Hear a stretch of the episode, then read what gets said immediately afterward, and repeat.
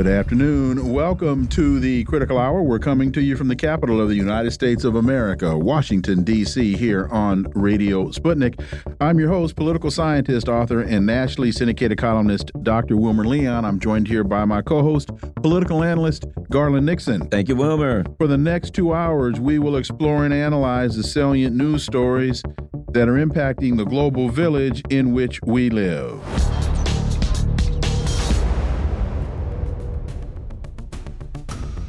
Sputnik International reports potential U.S. attack against Iran would trigger catastrophic effect on global economy.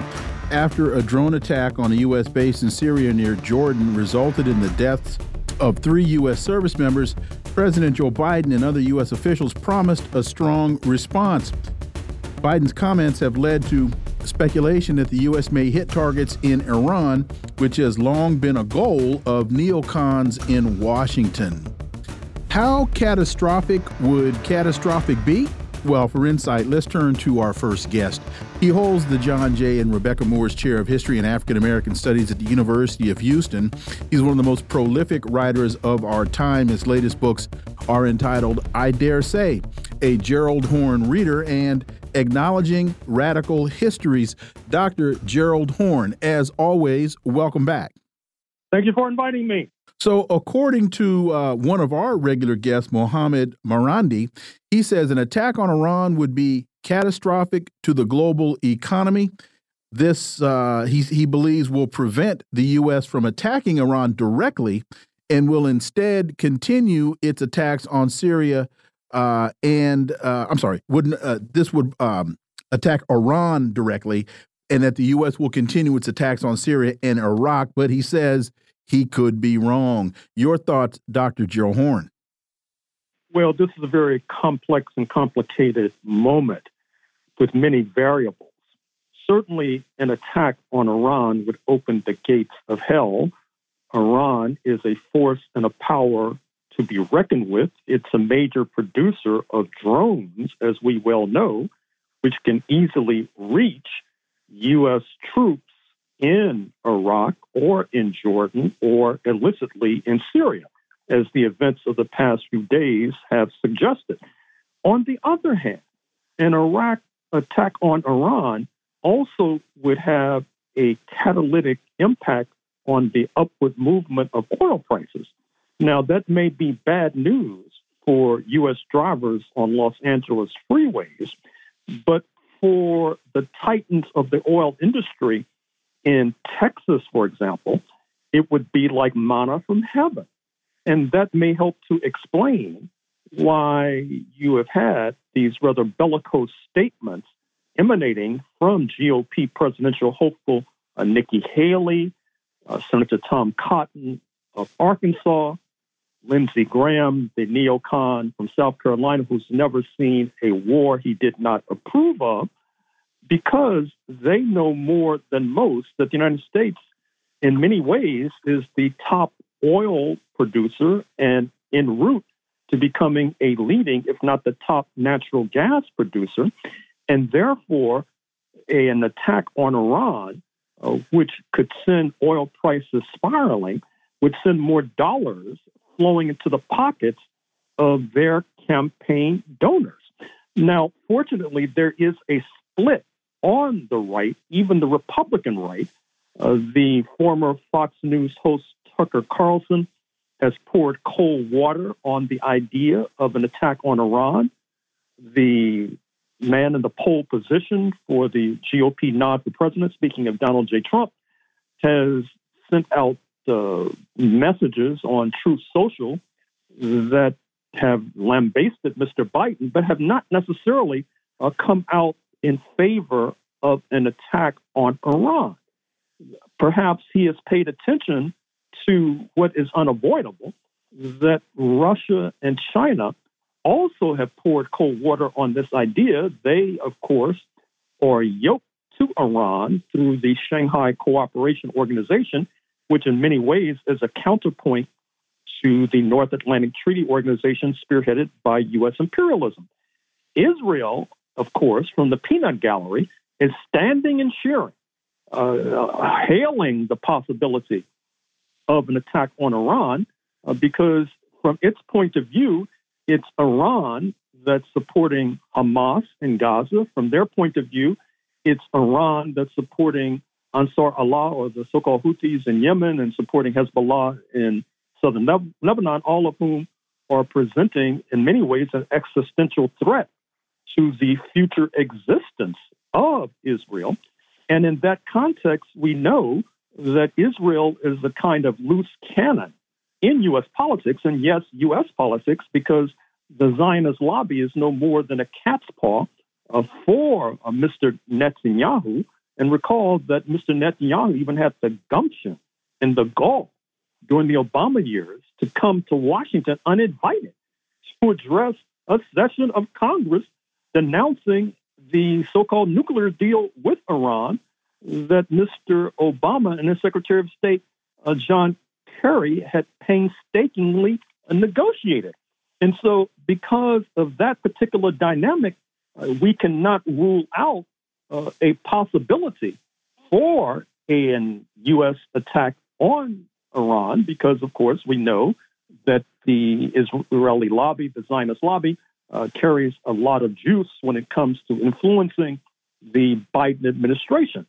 Another factor to consider is that, according to the Wall Street Journal, relations between Israel and Egypt are declining and deteriorating sharply.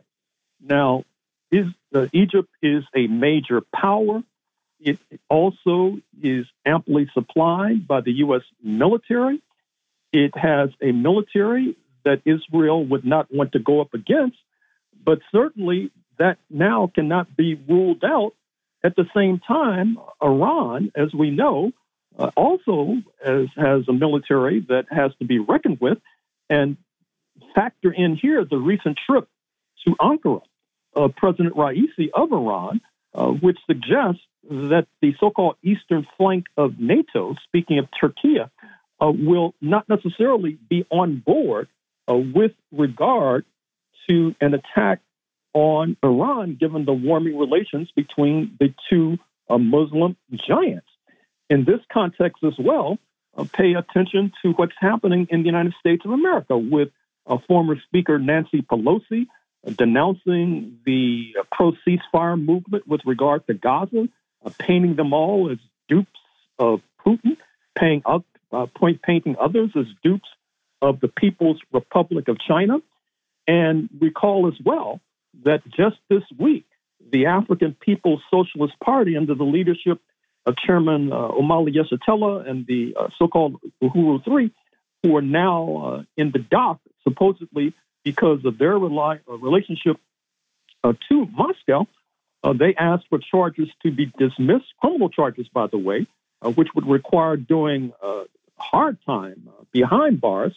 Those charges were not dismissed, which is something that we all should be concerned about because, of course, they come for the Uhuru 3, and then they come for you and me, I'm afraid to say. The European Union, of course, uh, is, is lost in the sauce. Uh, they are split with regard to foreign policy, and to an extent that's structural. Uh, for example, the European capitals, they tend to go their own way uh, with regard to foreign policy only unite on economic issues, but that's unsustainable uh, because we now see that, that they cannot, uh, they punch below their weight when it comes to foreign policy, which therefore has a detrimental impact upon their economic fortunes. In fact, you don't necessarily have to have a crystal ball to anticipate that if present trends continue, the mighty European Union, which has a market larger than that of the 330 million strong United States of America, could some ways become an appendage of U.S. imperialism, not only because it's dependent upon U.S. imperialism militarily to maintain, for example, France's, France's neo-colonial empire in Africa, uh, but as well is dependent on U.S. imperialism for energy in light of its uh, cutting off its nose despite its face uh, by turning against Russian energy and therefore turning towards U.S. energy. And then, if you look at the German economy, the sick man of Europe, uh, you see that its powerful automotive industry is being left in the dust. Speaking of Volkswagen, BMW, Mercedes, by the rise of the Chinese automotive industry, which is now the leading auto manufacturer uh, on planet Earth, led by BYD, uh, which is eating the lunch of Tesla in the electric vehicle market. So, all in all, with regard to the possibility of a U.S. attack on Iran, certainly given the correlation of forces I've just outlined, it cannot be ruled out. But if it's ruled in, it would certainly open the gates of hell. Um, let me ask you this, Dr. Horne.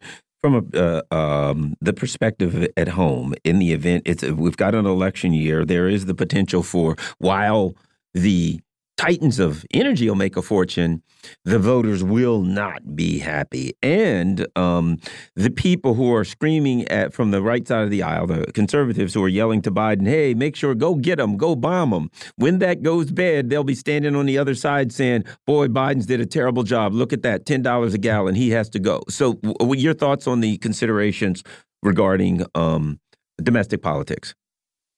Well, the domestic politics in the United States uh, presents a, another uh, loose cannon type variant. Uh, for example, if you look at Nikki Haley, who basically has no path to victory in terms of winning the GOP nomination, uh, she's being propped up by the 0.00001%. Notice her fundraiser uh, just yesterday in New York City with the Titans of Wall Street, including uh, Kenneth Langone. Recall that his name was on the medical school at New York University Ken Griffin of Citadel Capital, uh, who is contending with Elon Musk for being one of the richest people, if not the richest in the United States of America. But all that she can really do right now is wound the front runner, uh, Donald J. Trump, which I think is one of the reasons why she's being propped up uh, by uh, these Wall Street titans. Uh, however, if you look at the Biden coalition, it too has its contradictions. Jamie Dimon of JP Morgan Chase, the major Wall Street bank, thought to be in the Democratic fold. He's been issuing noises of late, sounding like a always Trumper, saying that Trump has been more right than wrong on NATO, immigration, China, etc. You saw the article in the New York Times the other day about how black clerics are quite upset with Genocide Joe's support for genocidal Israel in Gaza. We already know that Arab American voters in Michigan are not necessarily happy uh, with Mr. Biden and do not plan to vote for him. And then there's this problem in my neck of the woods, which I don't think has received sufficient uh, national attention, although I noted that Dmitry Medvedev, the former president of Russia, he said that he would not be surprised if civil war erupts in the United States. He's, of course, pointing to what's happening on the Texas Mexico border, where there have been confrontations between Texas law enforcement and U.S. federal officials and the Border Patrol. Idaho, a red state, if you ever saw one, is sending uh, armed uh, men to the border to bolster their comrades uh, in Texas uh, and the so called Army of God these.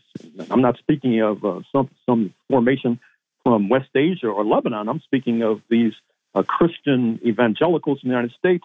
Uh, they're heading to the Texas border along with uh, right wing truckers as well.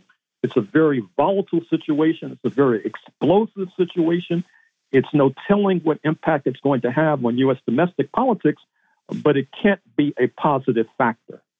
Uh, two quick questions. One, you mentioned Nikki Haley's fundraiser and you mentioned the Titans of Wall Street that were there. Can you quickly explain?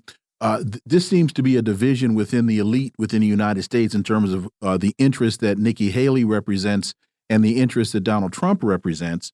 Um, can you can you quickly explain uh, that schism on the right and how can Joe Biden afford gas prices to go up as we're moving closer to November? Because as voters would have to ask themselves, am I better off today than I was last week? As as uh, energy prices would rise dramatically, the answer to that question would be no. Well, Joe Biden certainly cannot afford a rise at the price of a gallon of gas at the pump. Uh, that's a no brainer. Now, with regard to the split in the elite, uh, certainly uh, Nikki Haley does not have a stranglehold on the 1%. Uh, you can expect those like uh, Bill Ackman, the Pershing capital, who helped to chase Claudine Gay out of Harvard University, and who has been pounding on Mr. Biden to attack uh, Iran. He, of course, is the self designated captain of the pro Israel lobby, a billionaire in, in good standing. You can expect him not to stand alongside Mr. Biden, and the same holds true for Mr. Uh, Elon Musk. But Mr. Trump has a base in the Euro American working class and middle class who are quite happy with these attacks on diversity, equity, and inclusion and affirmative action, and are in return are willing to cast a vote in favor of tax cuts for the 1%. From the diluted point of view of this Euro American base, they feel that chasing black people and other people of color uh, out of certain positions will open up opportunities for their sons, their nieces, their nephews. And keep in mind as well that another uh, Trump supporter, speaking of Charlie Sykes of Turning Point USA, said that he gets nervous when he gets on a plane and sees a black pilot, mm-hmm. believe it or not.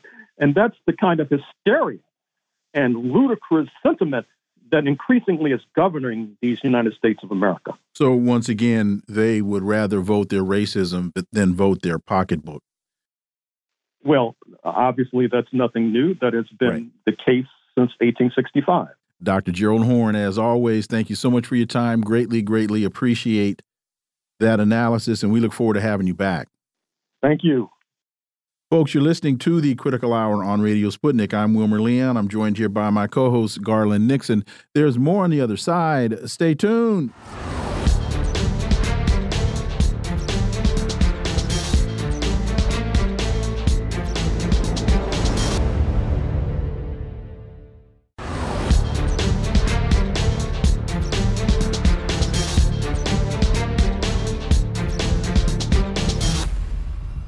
We are back, and you're listening to the Critical Hour on Radio Sputnik. I'm Wilmer Leon. I'm joined here by my co host, Garland Nixon. Thank you, Wilmer. Sputnik International has a piece entitled, How Can Russia Stop Ground Launched Glide Bombs the U.S. is Sending to Ukraine? The Pentagon plans to quote unquote field test a new ground launched variant of its deadly small diameter bomb designed in real world battlefield conditions in Ukraine. Is this another wonder weapon? And is this theater the testbed for new weapon systems? For insight into this, let's turn to our next guest. He's a Moscow based international relations and security analyst, Mark Sleboda. As always, Mark, welcome back. Dr. Leon Garland, thanks for having me. It's always an honor and a pleasure to be on the critical hour. So, sources told Politico uh, yesterday that Ukraine is preparing to receive a delivery of the U.S. new ground launched small diameter bombs, GLSBDBs, as soon as this week. The deliveries will give Kiev a deeper strike capability they haven't had and complement the Ukrainian military's long range fire arsenal, according to uh, a U.S. official the weapon which even the U.S. military doesn't have in its arsenal yet will serve as an extra arrow in the quiver that's going to allow them to do more, according to this unnamed official. Uh, Mark Sleboda, is this is this another wonder weapon? Uh, it's another weapon. Uh, I don't actually think it's that wonderful, but you know, if if uh, it keeps the Western mainstream media uh, you know, uh, with their required dose of of hopium, uh, maybe maybe that that term uh, can apply. Uh, this is nothing actually that fabulous. It's actually kind of a jury rigged thing. Uh, so the military has a small diameter bomb, which is a glide bomb that's been in service uh, since the early 2000s that is usually fired from an aircraft, like a like a JDAM. Right, a JDAM is a kit uh, that fits to an older bomb uh, that that allows it to be guided, glide guided uh, into a target. This is essentially that, except it's not quite as old a bomb. Now, the the innovation that Saab and Boeing came up with uh, for uh, now, uh, seemingly particularly, they sold uh, the U.S. military on the idea for its use in Ukraine because the U.S. military hasn't even doesn't have and hasn't even used these things yet. Is to take these existing uh, small diameter bombs, pack a rocket onto the end of it uh, to fire it out of a ground launch system like a HIMARS or an M270 multiple launch rocket system. That will give it a range of about 90 miles, um, which is uh, roughly double the normal distance of a standard HIMARS shell that has been supplied to Ukraine, but less than the handful of ATACMS that have been provided, and much less than, say, the range of the Storm Shadow or Scalp um, cruise missiles. Um, this system supposedly will use a GPS aided inertial guidance system.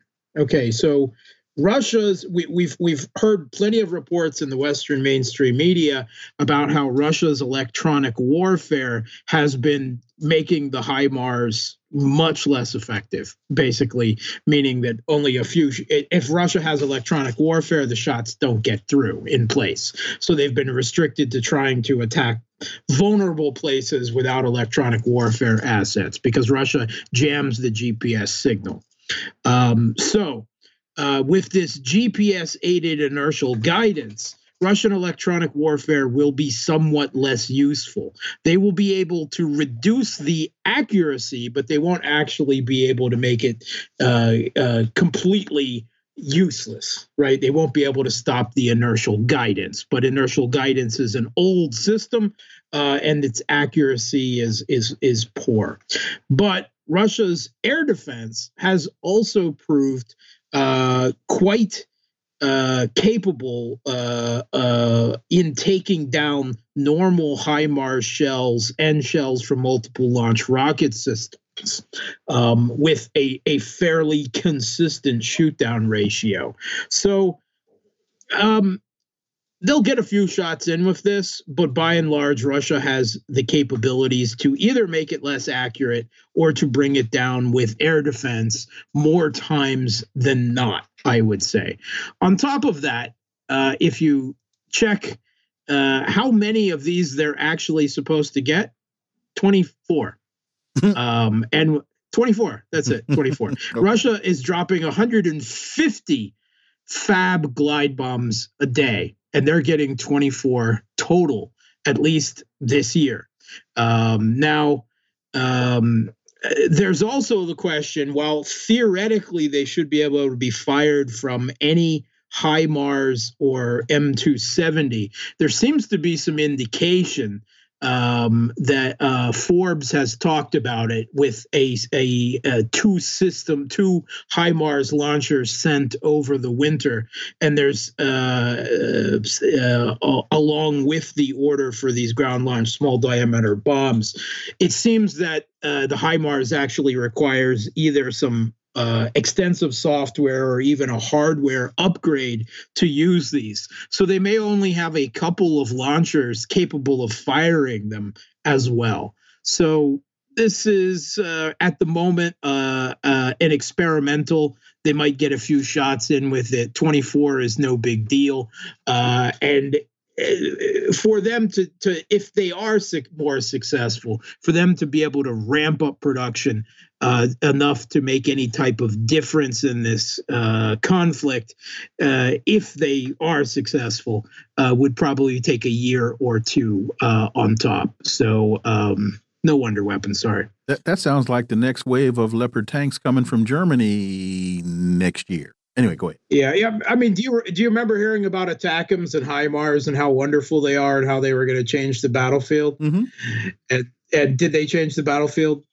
No. Did, no. did they change no. the no? And these are going to do even less, and in small numbers. What about the current palace intrigue that we're hearing about? Um, Zaluzhny and it may be all over for Zelensky and all that stuff. Okay, so um, I, I, mean, this has been going around for months now. It reached the head in the last uh, uh, week or two with the word that uh, that Zelensky wanted to get rid of his top general Zaluzhny uh, and replace him with his military intelligence chief Budanov. And then a couple days ago, uh, the Ukrainian social media and then the media and their uh, some politicians and journalists were all convinced it had happened. Uh, and then uh, it didn't, and it was like, psych, we fooled you again. We didn't really do it. Um, but now we have kind of an assessment a day or two later by reports in the Western mainstream media. Uh, and there's a, a couple different small differences in what they're reporting, a few contradictions. But generally, a common story seems to have emerged. Uh, Zelensky summoned Zaluzhny and uh, told him that uh, he wanted him to leave.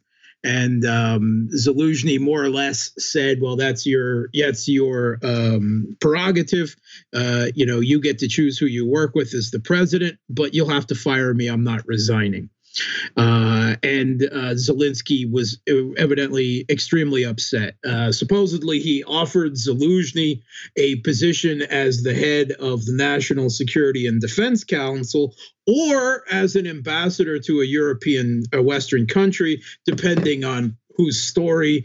Uh, uh, there's there's some appears to be some differences there, um, but Zaluzhny refused, and on top of that, again uh, according to these reports in the Western media, citing Ukrainian sources, uh, supposedly the two top candidates for replacing him, the military intelligence chief uh, Budanov, and the uh, other top general in the country, the commander of ground forces, General Syrskyi, who many viewed as a rival to Zaluzhny, supposedly both of them refused to replace him which would, uh, I think, it would indicate that the military is standing firm in opposition to Zelensky on this, even setting aside personal uh, egos and rivalries. And this indicates uh, that uh, the rift between the Zelensky administration and the Kiev regime's military perhaps is even greater than we thought. It's not just about Zaluzhny. And this leaves Zelensky feeling, I believe, even more isolated, seething, and desperate to to uh, get rid of, you know, to get his military under what he believes should be his control. On top of this, all the reports also suggest that the U.S. was extremely unhappy with this development and pressured Zelensky not to go through with it. And at the time being, it appears that he has not fired him, um, and uh, that you know that that leaves us, I think, with a a crisis in the chain of command in Ukraine and a an an, an even more evident and deeper rift between the political and military branches of the regime. Final story uh, Sputnik International, Netherlands, Germany, Poland ink deal to create military corridor uh, they've signed this declaration on the creation of this corridor for the movement of military equipment. This is according to the Dutch defense minister. Uh, what's the purpose of this, and what's the purpose? what's the purpose of? Yeah. Okay. So um, this is being referred to as a military Schengen, and basically, it's it's this. It is to get U.S. troops landing in Europe to Eastern Europe to fight Russia in a potential direct conflict faster. Uh, evidently, uh, simply because of the way uh, European countries and NATO were structured, uh, actually, there's a whole lot of paperwork and bureaucracy and stamps and apostilles and weird things that were required uh, for permission for troops to cross border to border to border. I don't even know why that existed in the first place. It's kind of a no brainer for a military alliance. Uh, but uh, now they're finally getting rid of that potential headache and uh, speed bump in the event of direct military confrontation with Russia.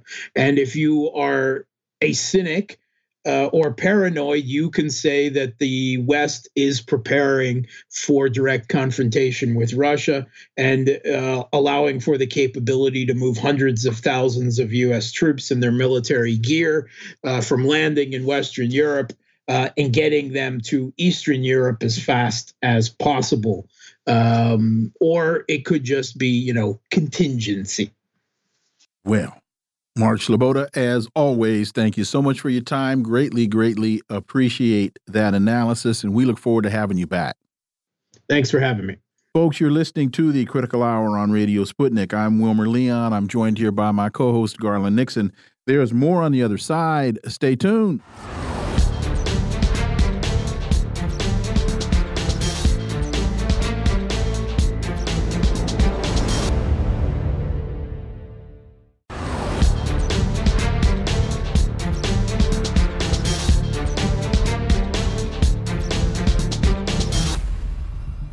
We are back, and you're listening to the Critical Hour on Radio Sputnik. I'm Wilmer Leon, joined here by my co host, Garland Nixon. Thank you, Wilmer. Mother Jones has a piece entitled, Do Democrats Hear Themselves? Nancy Pelosi, Tammy Murphy, and an ever expanding axis of evil. On Sunday, Pelosi suggested on national television that the FBI investigate pro Palestinian protesters over her suspicion that some are being financed by Russia. A hunch the powerful Democrat presented without evidence. Later, she defended it again without evidence. How concerned should we be? And what does this tell us about the bipartisan nature on the attack on our civil rights? For insight into this, let's turn to our next guest. She's an independent American journalist and RT correspondent Rachel Blevins, as always. Welcome back. Thank you for having me. So, the remarks with their whiff of Hooverite conflation of protesters with foreign interests or foreign threats were instantly condemned by the Muslim civil rights group CAIR. But as anti democratic as Pelosi's comments were, they were equally instructive of how a subset of influential Democrats see Israel's destruction of Gaza. But and the reason that I mentioned uh, uh, that there's a bipartisan nature on, on our attacks on civil rights is because the stereotype is the Republicans are the ones always challenging our civil rights and civil liberties, and Democrats are the ones that are always protecting our civil rights and civil liberties. And what this shows us is that you can't rely on either of them. Rachel Blevins. Yeah, I, I, think it's it's about time we learned that lesson, right? And you know, it's it's interesting to me that Pelosi made these comments because she specifically noted in there that there have been protesters outside of her house, which is serving as a reminder, as many uh, members of Congress here in the U.S. think, which is that if you're protesting and you're protesting for a cause that I agree with in a place that I agree with, then I completely support it, right? That's Justin Trudeau when he had the truckers protest at home in Canada. He wasn't too happy about that, but he was happy to to support other protests abroad. But in this case, Nancy Pelosi is saying, all right, that's it. The protesters have come to my house. I've had enough.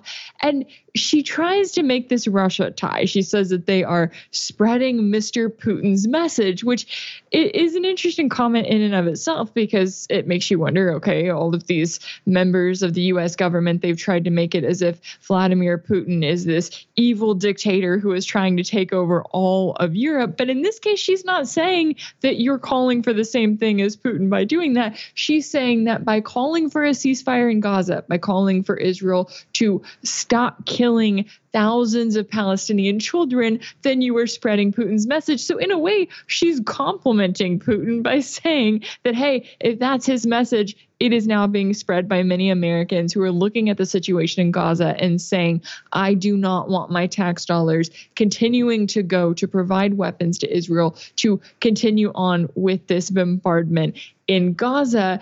But for Pelosi's sake, she of course has to turn it around. And it's no, also notable to me, I will add on this one, that when it comes to many Republicans in Congress, they look at these pro ceasefire protests and they claim that they are pro Hamas, right? They claim that if you want to see Palestinians stop being killed, then you must love Hamas. Well, now you've got a Democrat like Nancy Pelosi saying, oh, this is somehow pro Russia. She's actually technically aligning with Republicans. She's just blaming it on something different.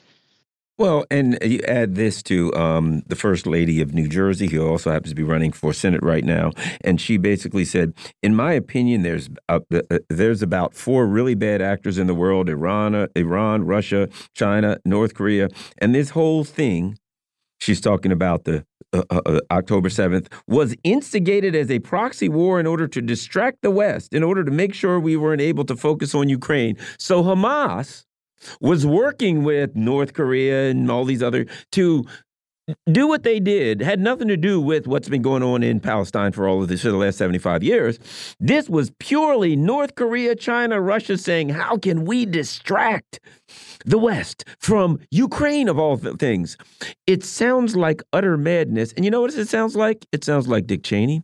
It sounds like John Bolton. The Democrats are now simply the party of Bill Kristol and and just raving madness. Rachel.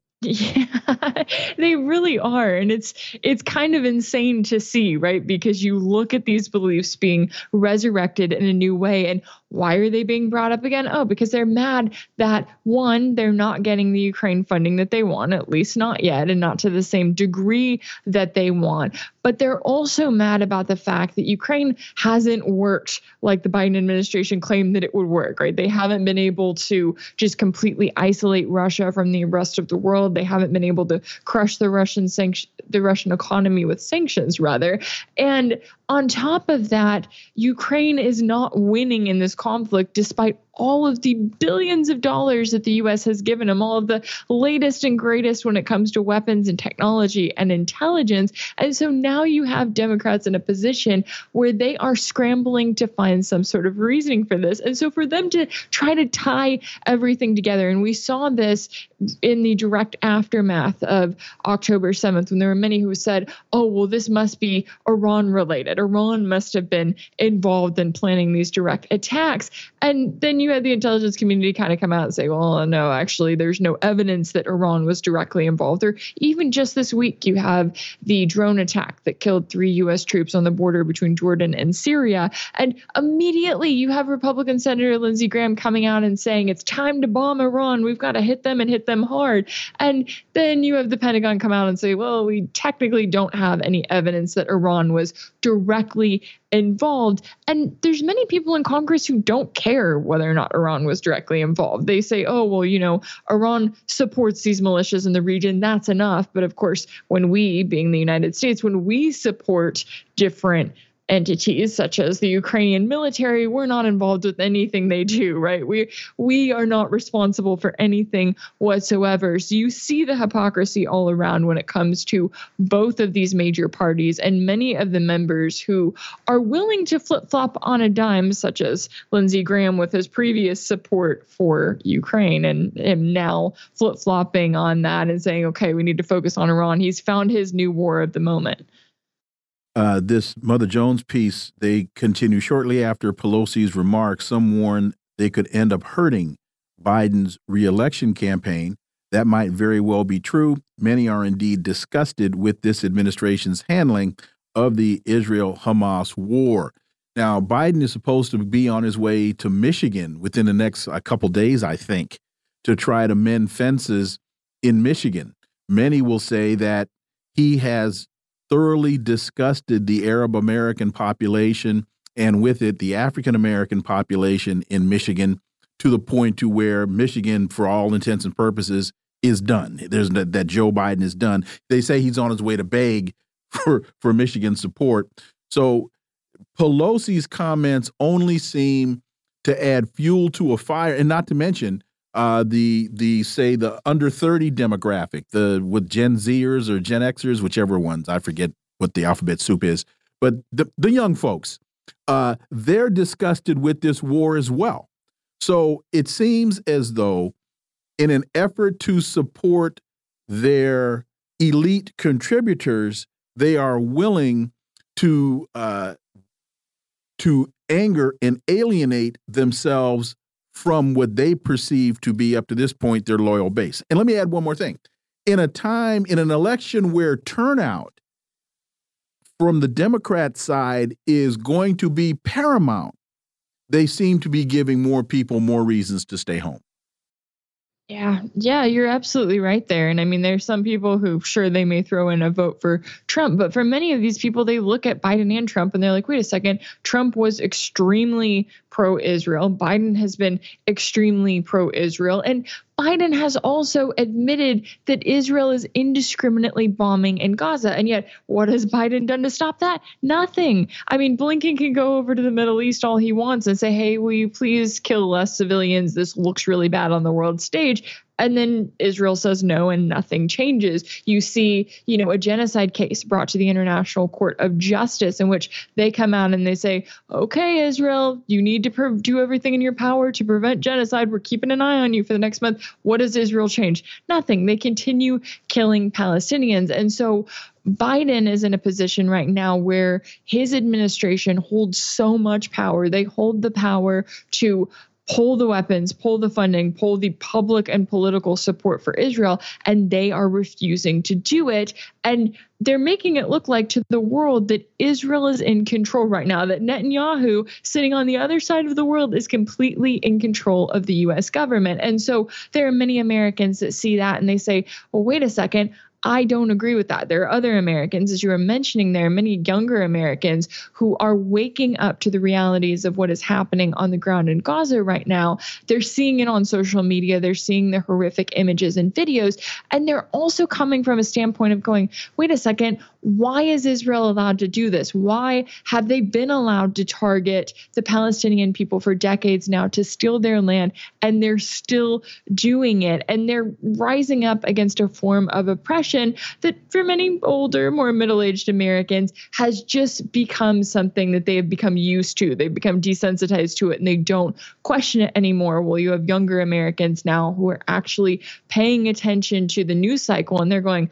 wait a second, why is this allowed to happen in our world? And for someone like Biden, who is a Democrat, who wants to focus on that younger vote, right? He's focusing on all of the things that when Nancy Pelosi was on CNN and she was making those comments, one of the things she brought up was she said, basically, if Americans decide not to vote for Joe Biden over this issue, then they're ignoring all of the other things that he's going to help them on when it comes to, you know, healthcare, when it comes to reproductive rights, when it comes to college loans and student loan repayment. And yet, those are all promises that Biden has made that he hasn't really followed through on when it comes to helping the American people. And after four years of Joe Biden, they see that. So they're going, wait a second, this guy promised me a bunch of stuff that he's not going to deliver on. Oh, and he's allowing Palestinian children to be killed. Yeah, I'm not even going to go out and vote, or maybe, just maybe, they'll vote for a third party or an independent candidate if they can find one that aligns with their views.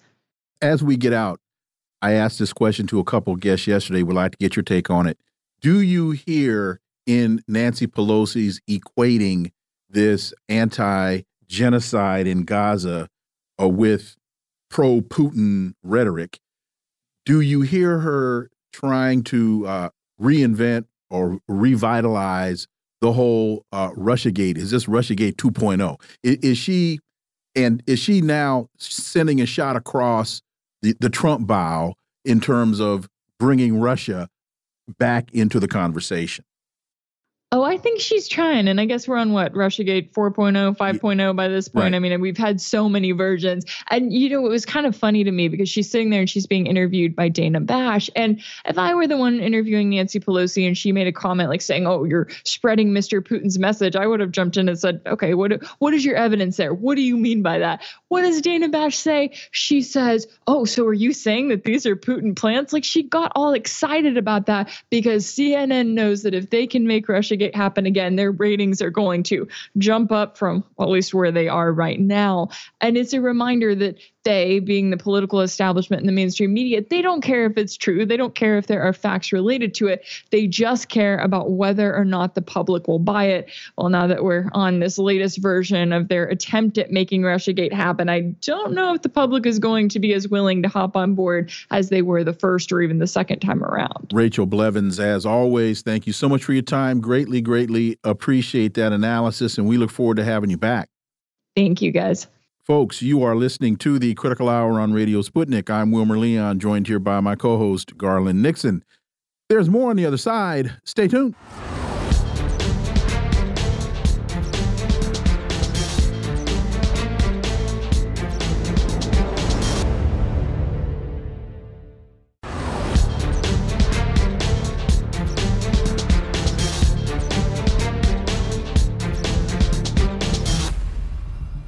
We are back, and you're listening to the Critical Hour on Radio Sputnik. I'm Wilmer Leon, joined here by my co host, Garland Nixon. Thank you, Wilmer.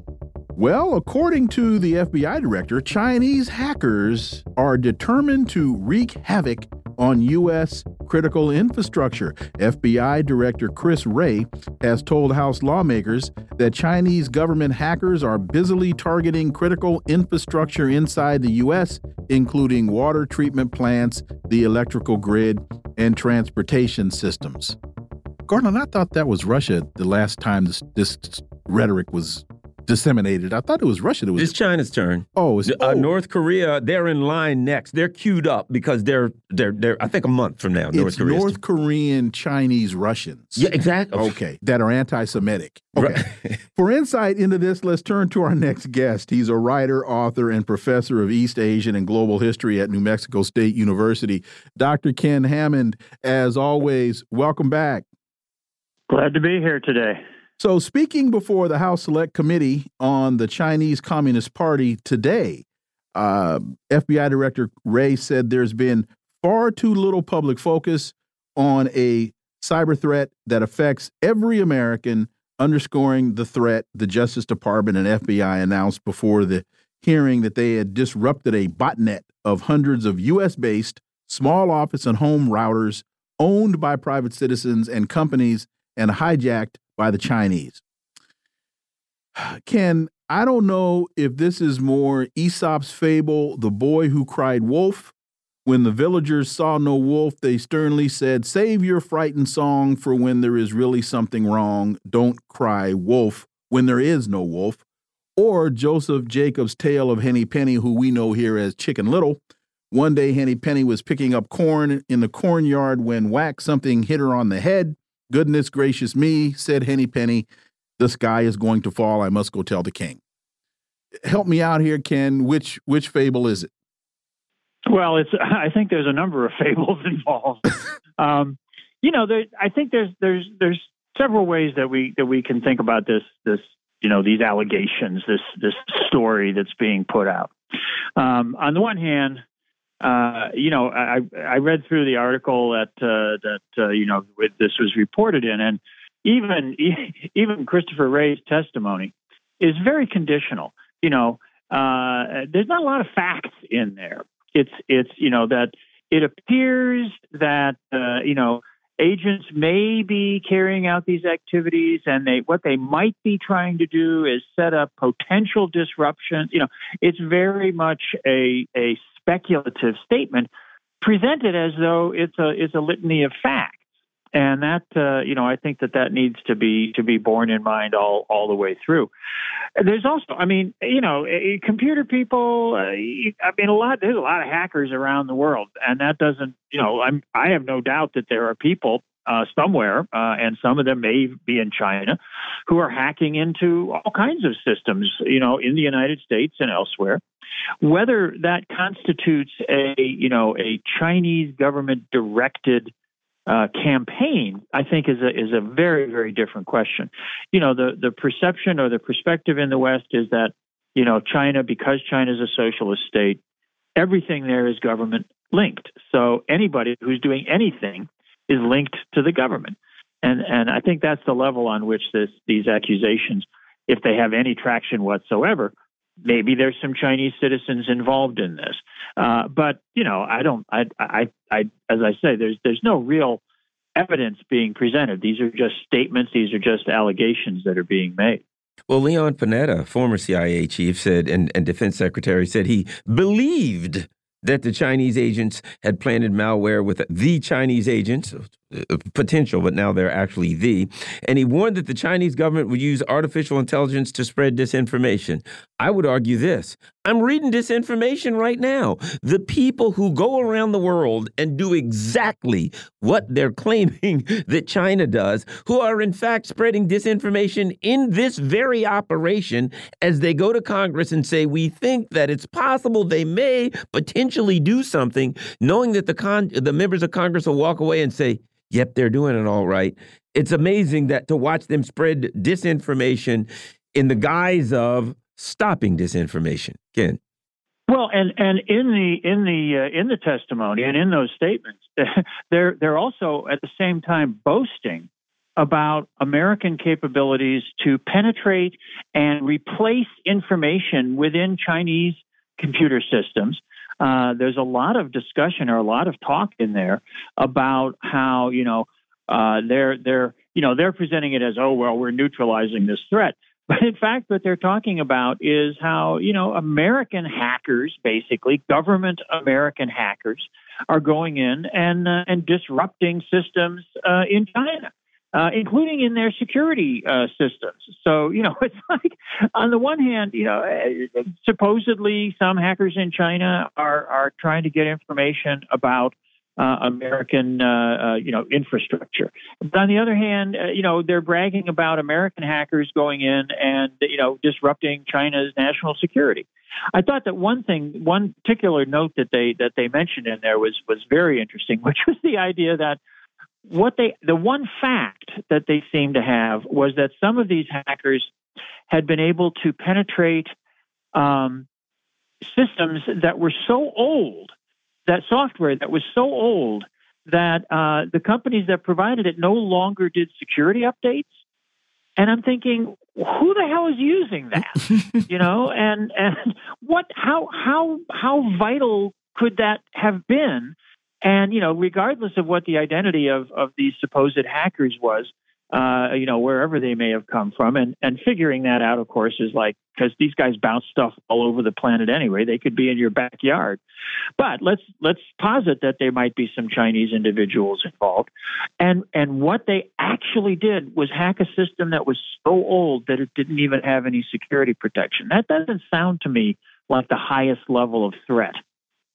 They announced that they had disrupted a botnet of hundreds of US based small office and home routers owned by private citizens and companies that had been hijacked by Chinese state hackers.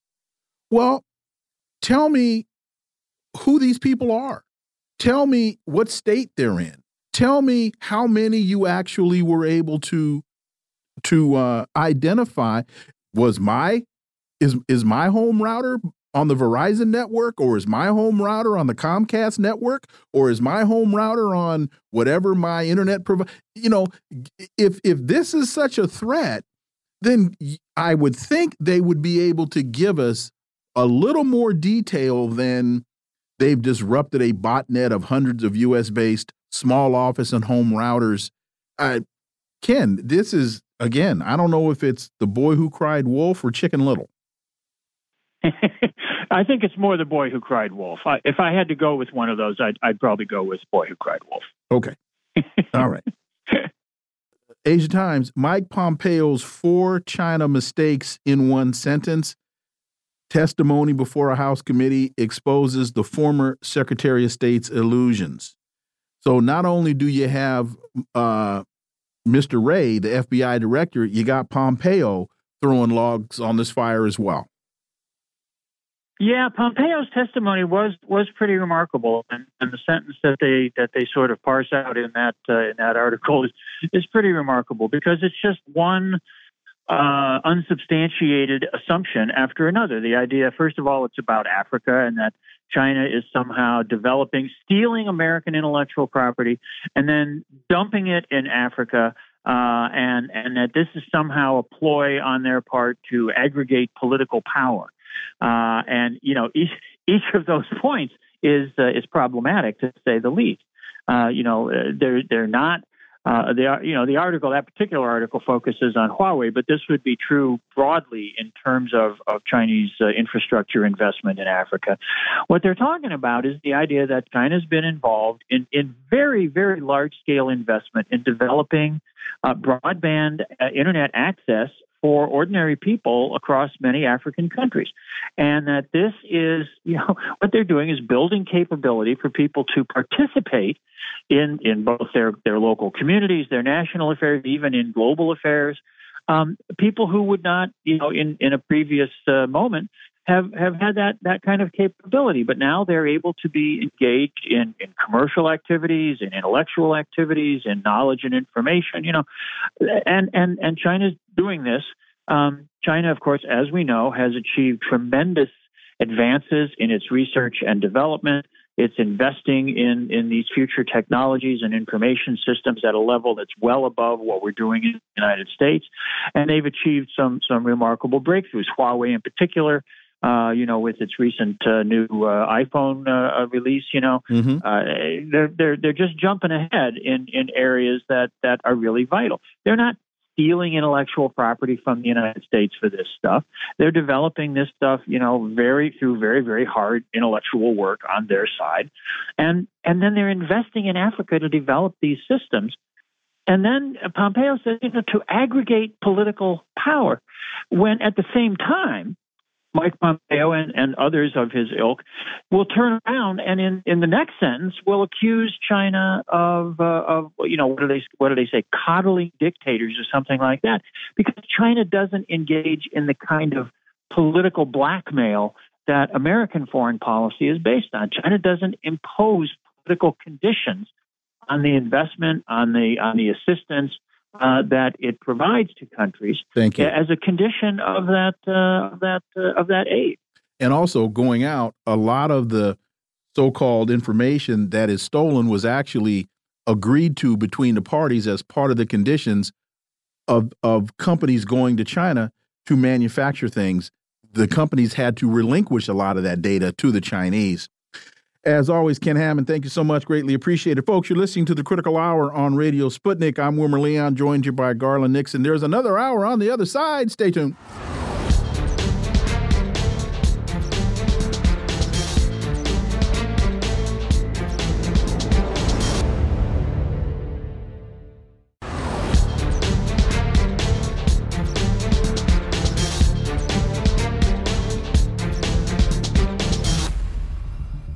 We are back, and you're listening to the Critical Hour on Radio Sputnik. I'm Wilmer Leon, joined here by my co host, Garland Nixon. Thank you, Wilmer.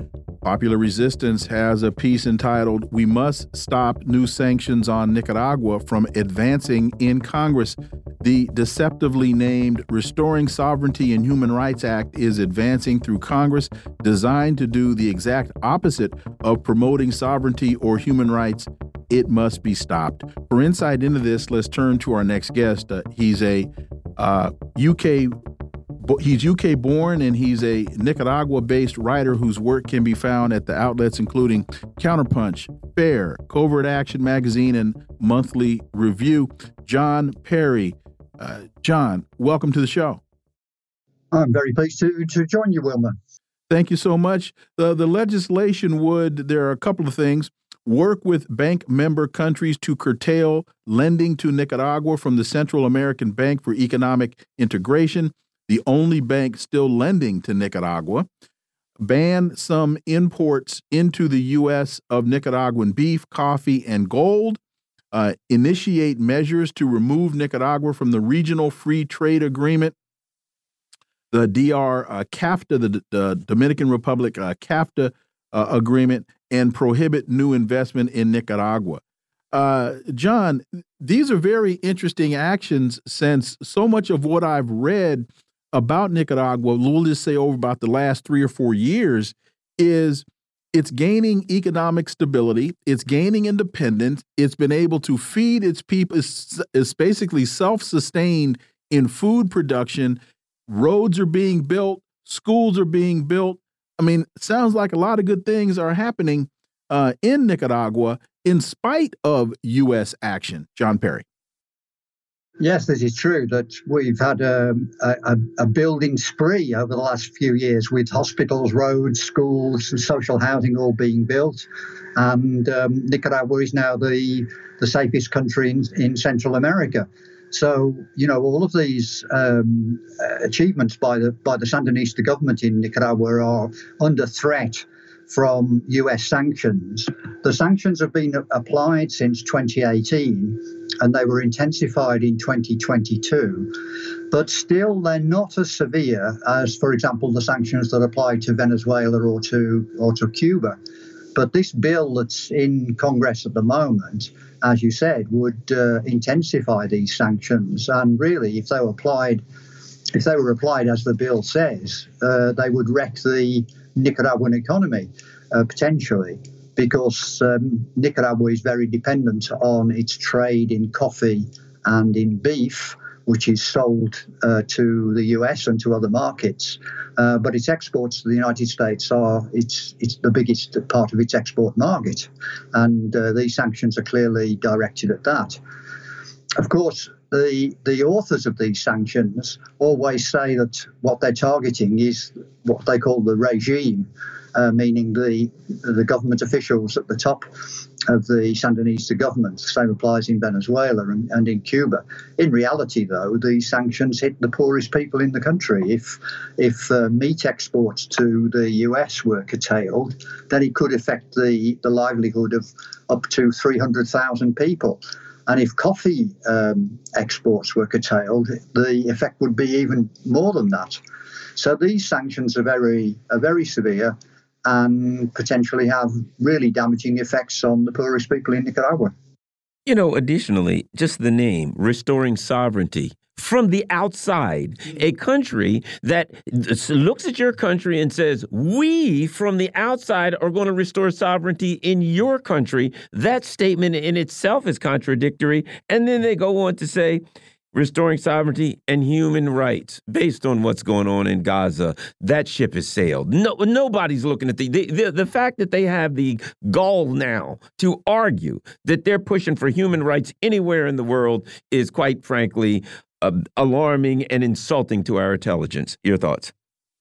Well, indeed. And uh, of course, the, the US is rather famous for applying double standards, uh, isn't it? But I mean, the, the double standards have become even more glaring recently with uh, the US government's continued, continuing to support um, the genocide in, in Gaza.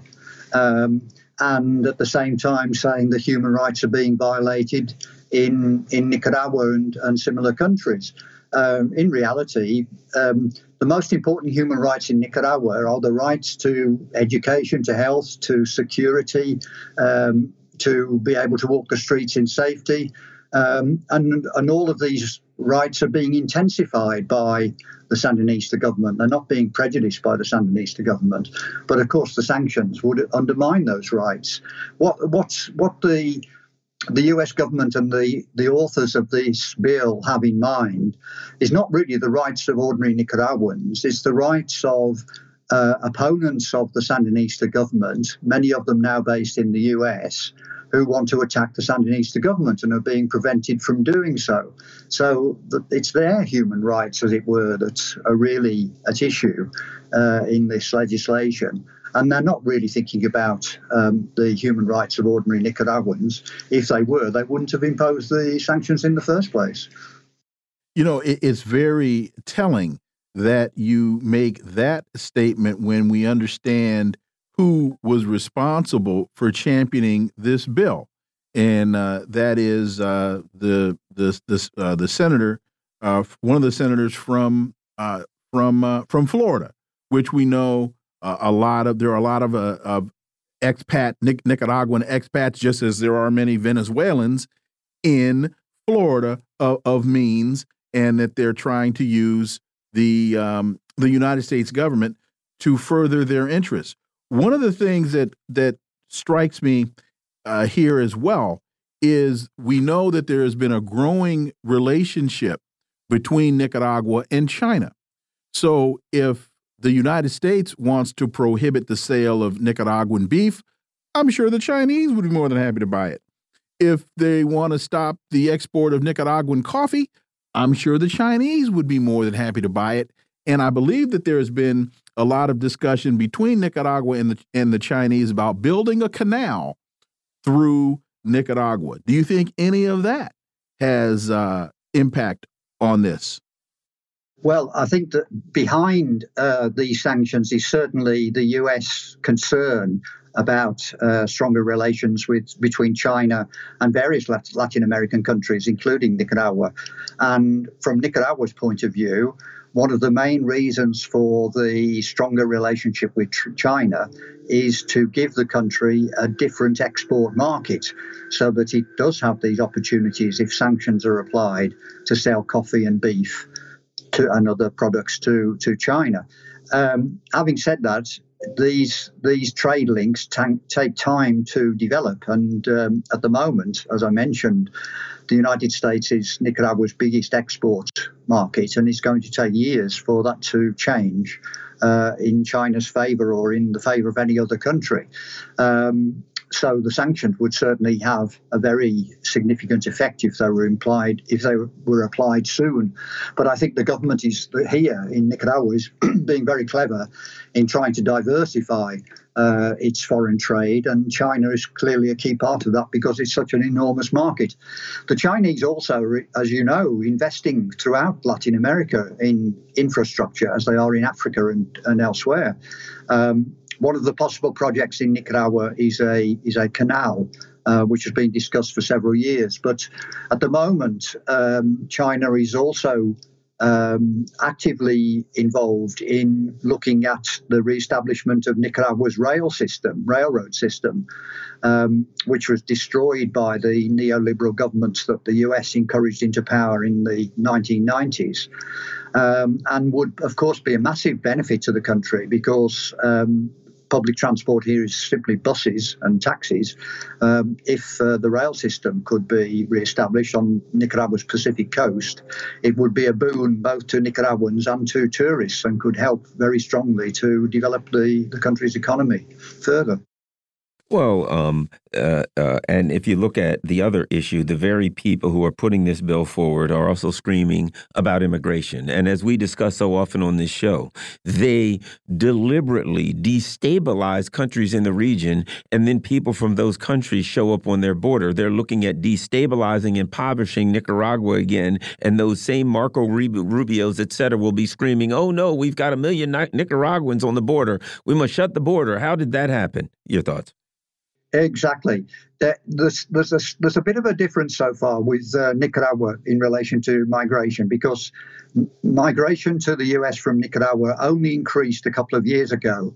And then um, encounters at the border uh, fell off uh, at the beginning of last year. And the reason was that uh, well, the reason for the initial splurge of um, migration was really um, attractive jobs in the US and the, the potential for getting into the country and staying there and working, at least for a period, then possibly coming back to Nicaragua. But now the US, as it has with Venezuela and um, Cuba and Haiti, has instituted this parole system, as it calls it, which allows uh, a certain number of uh, people from these countries to go to the US to work each year. And this is work. This is this is happening, and Nicaraguans are going, as are Cubans and Venezuelans. The problem, of course, is that this kind of scheme attracts the best people. Um, and really, the US is indulging in a kind of brain drain against Nicaragua. In a way, you could say that it's another form of sanction. That uh, yes, we'll we'll uh, we'll attract um, migrants from Nicaragua, and what we'll do is attract the the, the most important people in the country, uh, the people who are driving Nicaragua's economy, and we'll get them into the states instead to do uh, jobs, often low low low wage jobs in the U.S. And this is, I, I think, a double uh, set of uh, damaging factors in the US, in the Nicaraguan economy. There's the migration that the US is encouraging and the san sanctions that it's already imposed. Orinoco Tribune has a story U.S. revokes Venezuela gold license in retaliation against Supreme Court ruling. And we've been talking about this Supreme Court ruling over the last couple days. The U.S. revoked a general license granted to Venezuela State Gold Company after Venezuela Supreme Court confirmed the disqualification of Maria Corina Machado from exercising public functions for a period of 15 years. So basically, she was kind of, I guess, the Juan Guaido in waiting, and uh, the Venezuelan Supreme Court, based upon their interpretation of their sovereign constitution, decided that she had violated Venezuelan law, and now the United States wants to impose gold sanctions on Venezuela.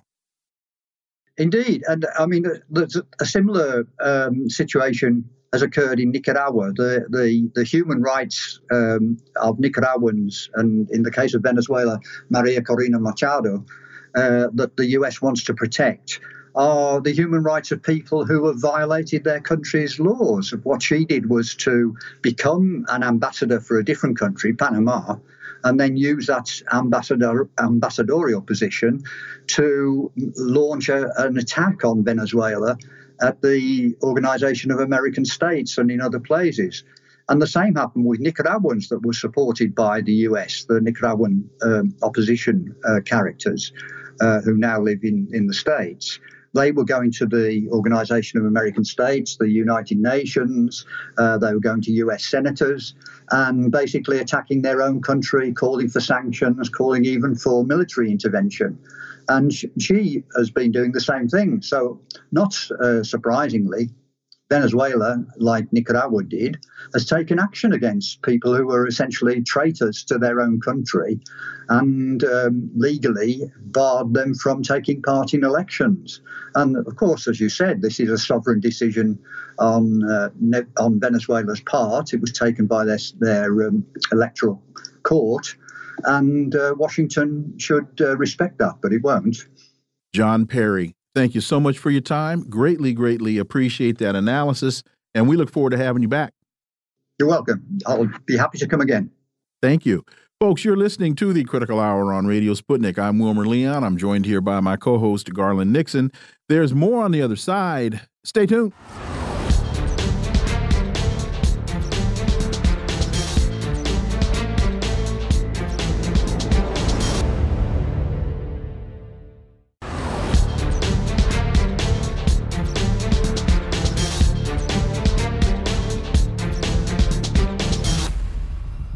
We are back, and you're listening to the Critical Hour on Radio Sputnik.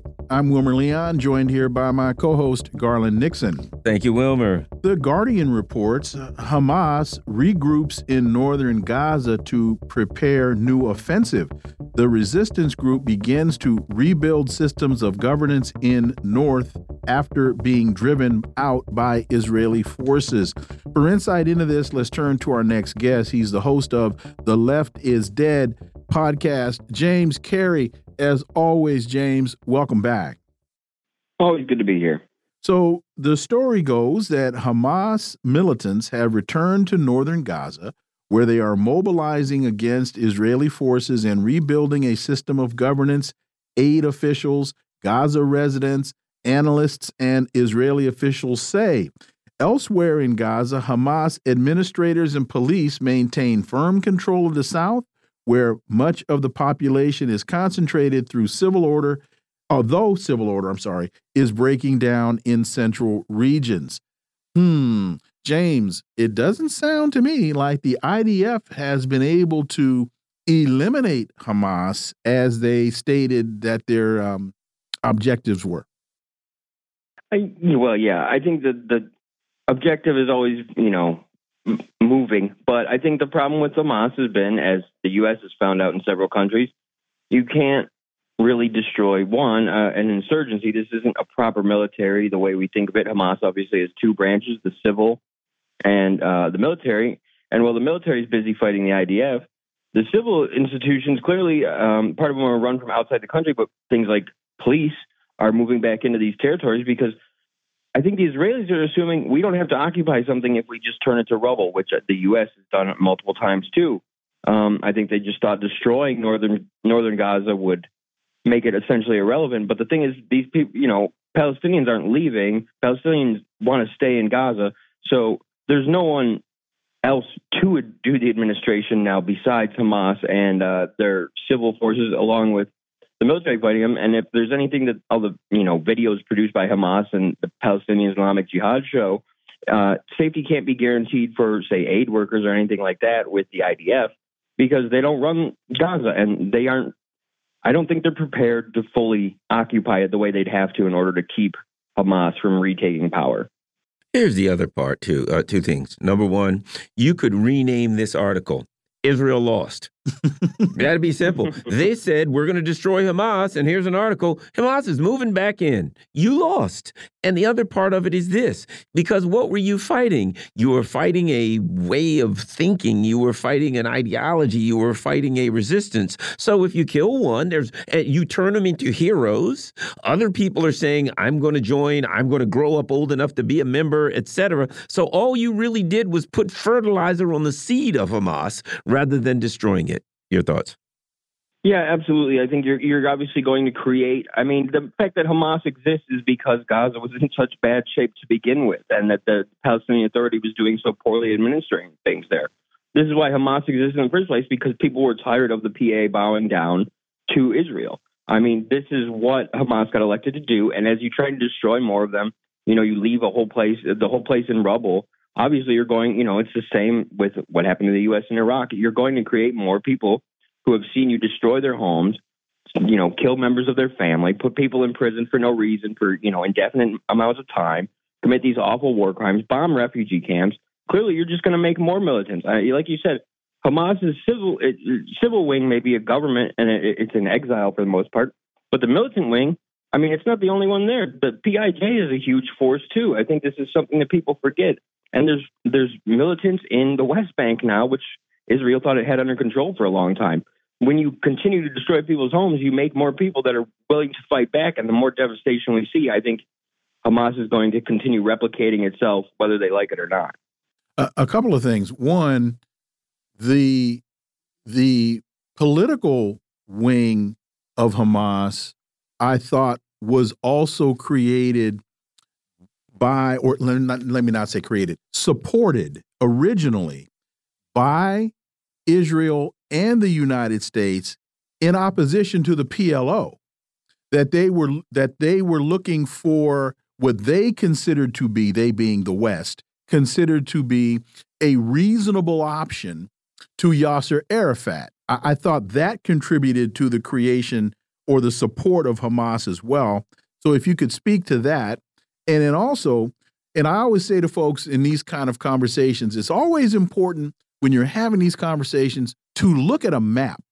Because when you look at a map of Gaza, initially, Israel's response to October 7th was to push Palestinians south towards Egypt, moving them further and further away from northern, or well, I guess would would be considered, uh, yeah, northern Israel, but now they're going back. They're basically reclaiming the very same land, to Garland's point, Israel lost. They're reclaiming the land that they were pushed out of as they were directed to move south for alleged safety. Your thoughts? But yeah, to the second point, I think it's hard to you know tell people um, well, it's not like after a prison riot, you know, the prison guards live in the cells, you know, so people are obviously going to come back to these areas. Um, this isn't how it works. Like I said, they'd have to fully occupy it, and I don't think they're willing to do that. This war is costing Israel quite a bit too, since everyone they can't you know, do it. A general in the IDF, yeah, they they, they just they don't, don't, have, have the forces to do it.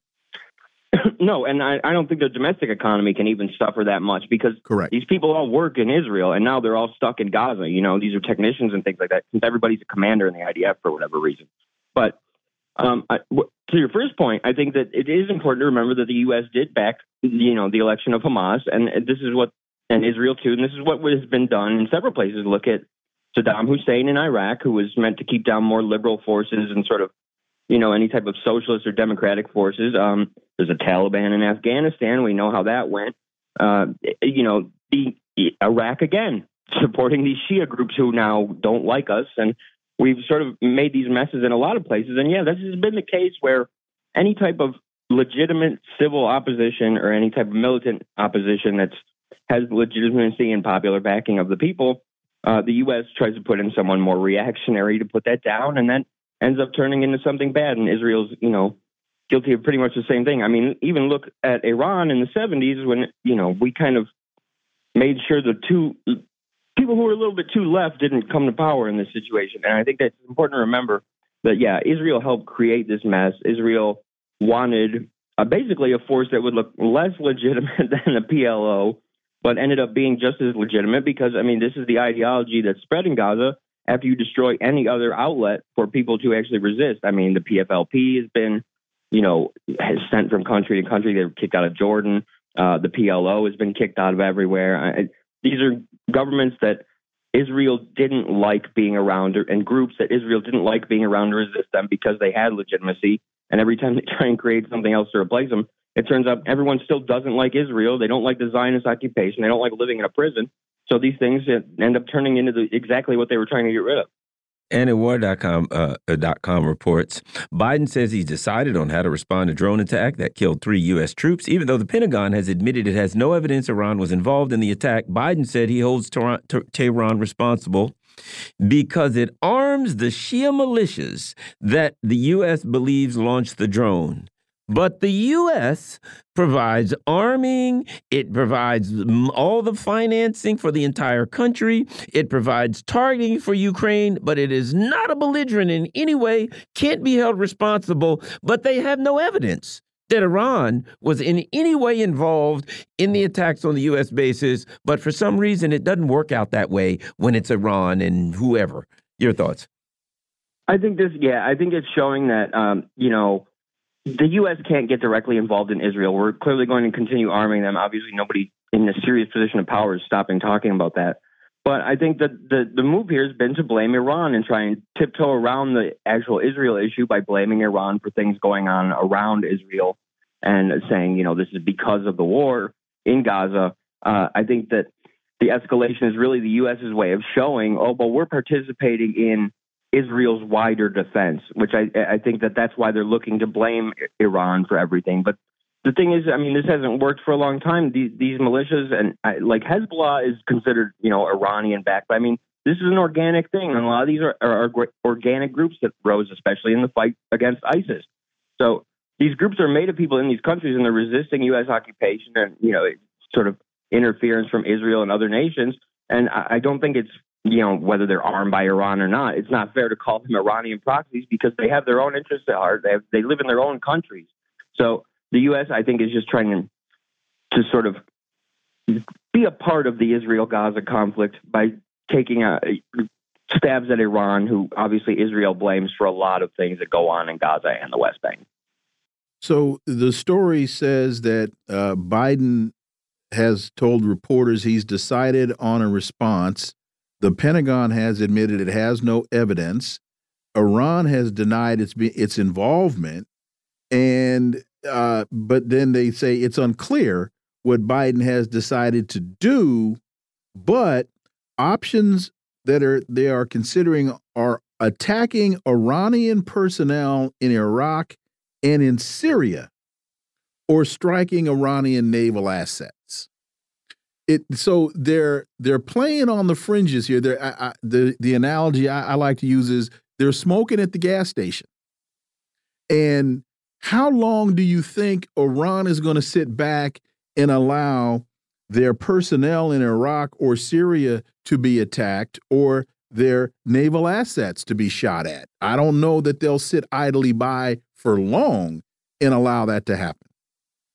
No, I, I don't. I don't think that's possible either, because I mean, the government in say Iran doesn't want you know to be perceived as being a victim of the U.S. So they can't act like that forever. But I think the important thing too to remember, whether it's Yemen, Syria, or Iraq, the more you strike at these targets, the more people who aren't in these militias or who live in these countries are still angered at this. I mean, the Houthis, their popularity may have been waning over the last few years as the war kind of wound down to a sort of standstill in Yemen, but when the U.S. steps in and begins all these strikes, you know, people want them out of their country. The Iraqi government votes to kick you out of the country. Um, you know, these are people who uh, obviously Syria doesn't want U.S. troops in the north of Syria, uh, and there's been discussions on them possibly leaving. But this becomes more unpopular and more untenable, both with Iran and with the nations where you know these militias are operating or these U.S. troops are based or whatever. Uh, Jordan is a very different case, obviously, as it's sort of a U.S. military base as is, but it, it, it all bleeds into northern Syria and Iraq and everything like that. And I, I think that the U.S. is doing stuff that is not going to diminish the capacities of any of these groups, and instead just going to make the U.S. even more unpopular in a region where it's already got pretty historic lows. And it also demonstrates the um, inability of the U.S. really to control this situation. You've got a gigantic region there. All of these countries, you're going to bomb Syria, Iraq, Iran. I mean, and on and on. And in the cons and in, in, in bombing all of these, you're only hitting a little teeny spot here and there. Oh, did I add Yemen? You can't. The only thing it seems to me they're doing it for domestic policy purposes because they know it's not going to affect. It's like you know trying to empty the uh, Pacific Ocean with a spoon, James. Yeah, I think it's an effort to show that our military can do something, but the issue is is this is a military built for the Cold War. This is a military built for an opposing superpower. And when you're trying to strike, uh, you know, militias or militant groups or you know redeclared terrorist groups as the Houthis are now, uh, you're finding out that the weakness of the U.S. military and these you know precision strikes doesn't do much when you're not faced against a real state adversary. And I, I think we're going to continue to see the U.S. flailing. And yeah, it may be for domestic consumption. Obviously, some of it's to protect uh, domestic material consumption, but I, all our actions are built for a, a time of war that's pretty much gone. I think. And as we get out, a couple of things. I don't think those in the decision decision making positions in this country understand you you can't kill an ideology with a military. You defeat an ideology with a better ideology. And the other thing is the United States does not seem to understand nationalism and how the United States attack seemingly indiscriminately attacking these countries and the sense of nationalism because these are these are cultures that are thousands of years old. And so their sense of nationalism runs a hell of a lot deeper than anything that the average American can understand. 30 seconds. Your thoughts, James Carey. Yeah, I think it's also important to remember that, you know, unlike Americans, I say this all the time, a lot of people have a much better memory, especially when their homes have been destroyed for, you know, decades by the Americans. And every time, you know, as far as the new ideology goes, every time a new ideology that is organic and based in these countries comes up that could make things better for people, the U.S. goes out of its way to destroy it, whether it's Latin America, the Middle East, Asia, anywhere. So I think it, the U.S. makes it impossible for a better ideology to emerge. And I think that's something we're paying for every day. James Carey, as always, thank you so much for your time. Greatly, greatly appreciate that analysis. And we look forward to having you back.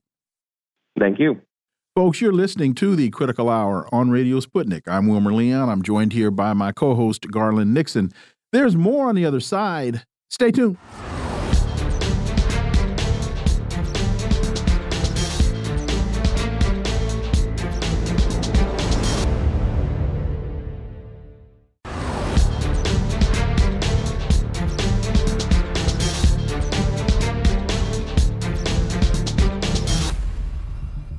We are back, and you're listening to the Critical Hour on Radio Sputnik. I'm Wilmer Leon, joined here by my co host, Garland Nixon. Thank you, Wilmer. RT reports EU opposes UK Ukraine truce. This is according to uh, Secretary Borrell. The bloc's chief diplomat has called for more weapons for Kiev and further sanctions on Moscow. Yeah, yeah, the house is burning down. Let's throw more gas on it. For insight into this, let's turn to our next guest. He's an international geopolitical consultant, global speaker, author, veteran, and former international security analyst in Washington, D.C. He's the founder of Global Perspective Consulting, headquartered in Dallas, Texas. Dr. David Oualaalou. As always, welcome back. Pleasure to be with you, Wilmer. So, EU Foreign Policy Chief Borrell has rejected the notion of peace talks and a ceasefire in Ukraine. Instead, demanding that the bloc's member states cough up, quote unquote, whatever it takes for Kiev to defeat Moscow. Uh, Dr. Oualaalou, A, it seems as though uh, he's uh, years late on this. Uh, and again, the house is burning down and he wants to throw more gasoline on the fire, Dr. David Oualaalou. Well, it's laughable, Wilmer. I mean, are you going to take anything at face value from what Borrell says? I mean, we all know. Uh, but all joking aside, uh, Ukraine is a failed state. And for him to be stating that Ukraine needs more weapons to defeat Russia, it just defies logic. So anyone who is in right mind will realize how how it's like he is hallucinating. I I don't know what other word to express what he's saying because what he's saying doesn't make any sense given the reality on the ground. What Russia's gonna uh, what what the West does not understand. Here's the thing: Russia's strategy was for a long term.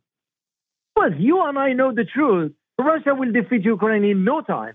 But the objective wasn't about that. It was about waiting and see till Europe uh, sent all its weapons, sent all its ammo. Then the Russians will do what needs to be done. The Russians took it very, very methodically and slowly. The idiocy of the West, headed by the U.S., because this whole thing is the U.S. pushing the Europeans to the forefront and they are now paying the price for it. But as far as Ukraine itself, it's a fait accompli.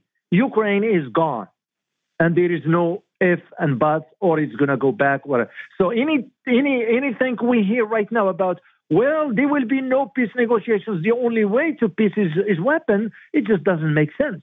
They're just searching for a narrative that can justify whatever they can do. But Ukraine is done for. Yeah, to me, the other thing that's done for are the ruling elite of Europe because their region is being deindustrialized. It's being, you know, just uh, absolutely that no power whatsoever, no political or economic power. they'll be completely subservient to the U.S. for energy and everything else. So as they still whine on about we're going to take Russia out, Putin's got to go, got to go down, and their economy is burning before their feet. The people are in the street with tractors, ready to uh, literally dumping sewage and stuff and manure in the streets. And these idiots are still yelling, That's it. We're going to get Putin in no time flat. He's going to go down. It's almost laughable, Dr. Oualaalou. One might, one might say, Garland, it's being virtually recolonized yeah. by the United States. Exactly, Dr. Oualaalou. Well, you're absolutely correct, Garland. That was the whole objective of why the U.S. embarked on this approach regarding the Ukraine conflict.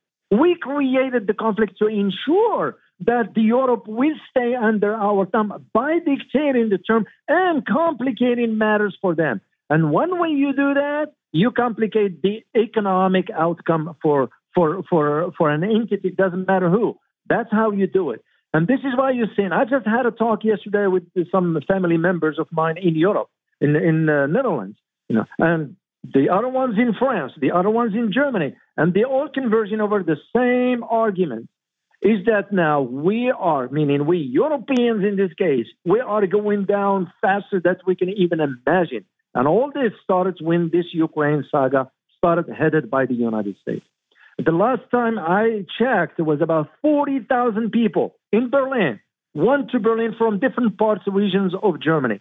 You got about 8,500 trucks that is uh, uh, going into Berlin.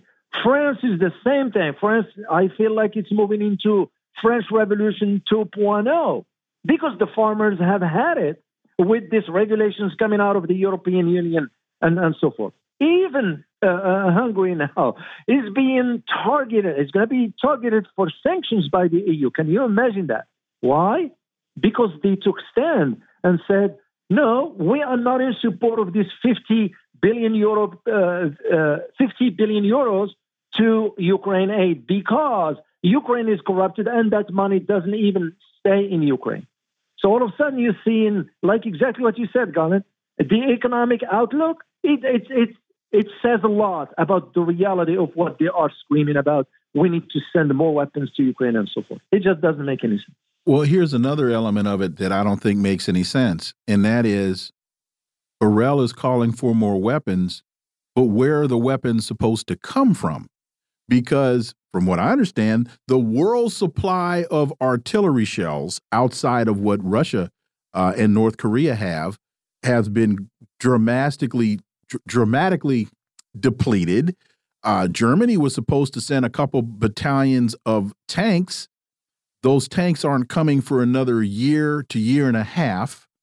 So I don't know. Maybe Borrell needs to call Russia and buy some weapons from Russia so that they can have some artillery that they can shoot back. I mean, that's the only thing that seems to make sense. And the other thing is, if Borrell is calling for all for the European Union countries to send their weapons into Ukraine, then that means they're not going to have the weapons they need to defend themselves when supposedly all of this is part of Vladimir Putin's grand scheme to take over the world.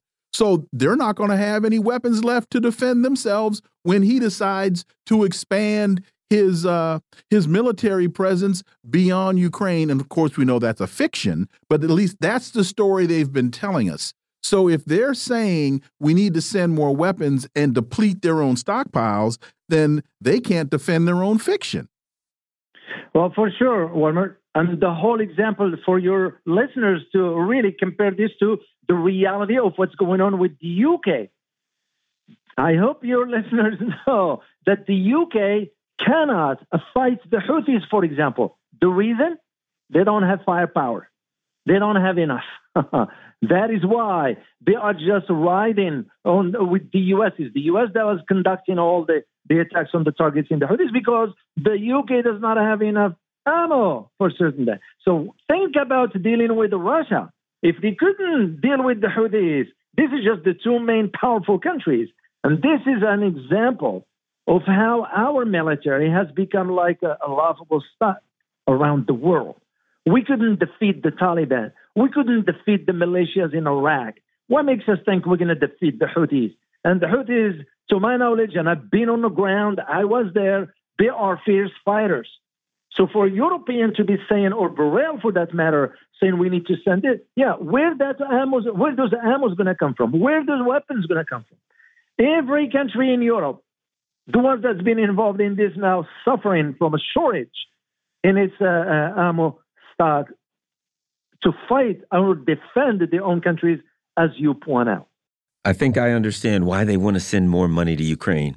Ukrainian military and political leaders don't believe in victory and are stealing Western aid on a massive scale. The former commander of Poland's land forces, General Waldemar Skrzypczak, has said in an interview with the newspaper Fakt. I think I know why they want to send money. It's going right into their filthy pockets. We've seen pictures of some of these guys like buying multi-million dollar mansions in France and all around the world. So they want to send them plenty of money. They know they can't um, buy you know, shells and stuff like that. But I think, you know, I saw some of it go to crypto, end up back in the Democrats' pocket. I think they got plans for that money, Dr. Oualaalou. That's true, Garland. Uh, he's, he's spot on because I was talking to someone in Poland who knows the inside out of the politics inside the government of, of Poland. And, and he's spot on. And this is why even the people in Poland, when, when they voted out Duda, even the new guy, turns out to be another uh, sort, sort of a puppet, if I may use the term, couldn't take stand by saying, no, we're done with this nonsense of just sending money uh, right or left to Ukraine because where is that money ends up? And the same argument we will be making as Americans because it's our tax dollars. So why are we sending that stuff for? If it was even to help for something, and helping for something that has nothing to do with our interests to begin with. So the whole idea was that Ukraine conflict was created by design for us to keep the Europeans down because we were concerned about their economy moving up because they were getting cheap Russian energy. That's what's at the heart of it. You know, uh, Stoltenberg says that the path to peace in Ukraine is through sending more weapons to Ukraine. We know that makes absolutely no sense. But what's interesting in all of this is Ukraine, for the most part, seems to be off the front page of Western media. I mean, you you almost seem to to have to go to European media to get stories on uh, on what's happening in Ukraine because the focus of the West now has moved from Ukraine to the Middle East, just as at one point the focus had moved from Afghanistan to Ukraine. So, is that a signal that the mindset of the Western elite has basically moved away from Ukraine, now focused on the Middle East, and it seems as though we will shortly be moving away from the Middle East and focusing on China. And that's usually how, how the narrative goes because that is the aim.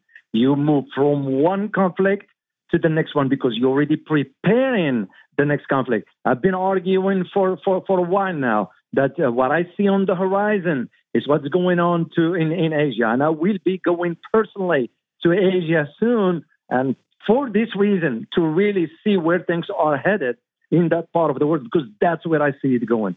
To go back to your point about moving from Ukraine into uh, Gaza, uh, just listen to the statements of the incompetent former Speaker of the House that demented Nancy Pelosi by saying those who are protesting against the war in Gaza are being funded by Russia.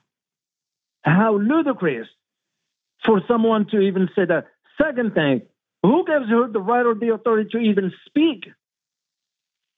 And it shows you this is not about just her, but it is about the narrative, where the narrative is going. Because you're gonna, like you exactly said, Wilmer, it's gonna move from one to the next.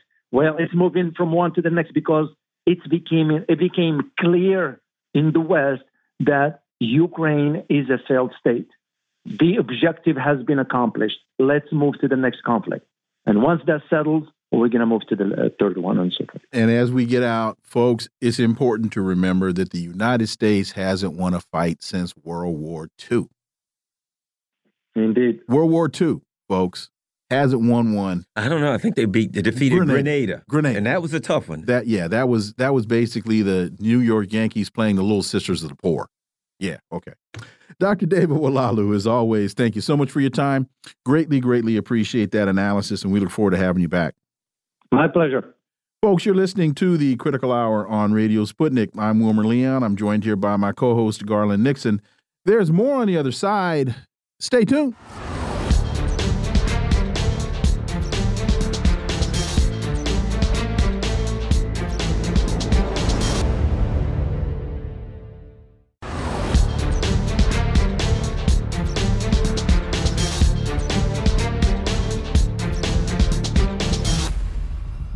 We are back, and you're listening to the Critical Hour on Radio Sputnik. I'm Wilmer Leon, joined here by my co host, Garland Nixon. Thank you, Wilmer. Well, biggest winners and losers from the Fed's interest rate decision.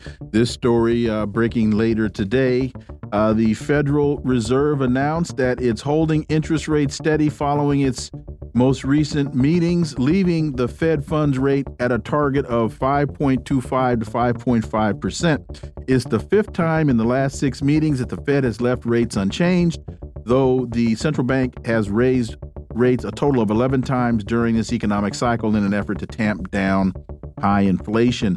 For insight into this, let's turn to our next guest. He holds a PhD in political economy, taught economics at St. Mary's College in California. He's the author of a number of books, including The Scourge of Neoliberalism U.S. Economic Policy from Reagan to Trump. Dr. Jack Rasmus. As always, Jack, welcome back. Glad to join you. So, this decision comes as inflation hit 3.4% year over year in December after reaching the highest levels in decades at over 9% in mid 2022. The last time the Fed raised rates was in July. With only one hike in the past six meetings, the Fed statement in December that it expects to lower rates uh, this year, consumers should expect rates to decline. Your thoughts on this logic and the impact that this is going to have as we move closer to 2024 election, Dr. Jack Rasmus? Yeah, well, the big news uh, from the, the Fed statement today was not uh, they're holding uh, rates steady uh, today. I mean, that was well expected, but uh, the big issue that came out was uh, Powell pretty much said we're not going to lower them in March either. the markets were really, you know, financial markets investors were really looking for a big cut in March, but it's not coming pretty much. Uh, and uh, you know the markets investors have been pushing for months now. They want those lower rates because lower rates mean they can borrow at cheaper money and uh, push the money into the financial markets and drive up the valuations of the stock even more. Uh, so the speculators really want lower rates because it, it, it, feeds the stock market. Uh, but the fed uh, pretty much said, no, we're not going to lower rates now or in March. Now, that could change if you get a big uh, you know a big change in in the data on on the economy, and clearly we're slipping into a deeper recession here.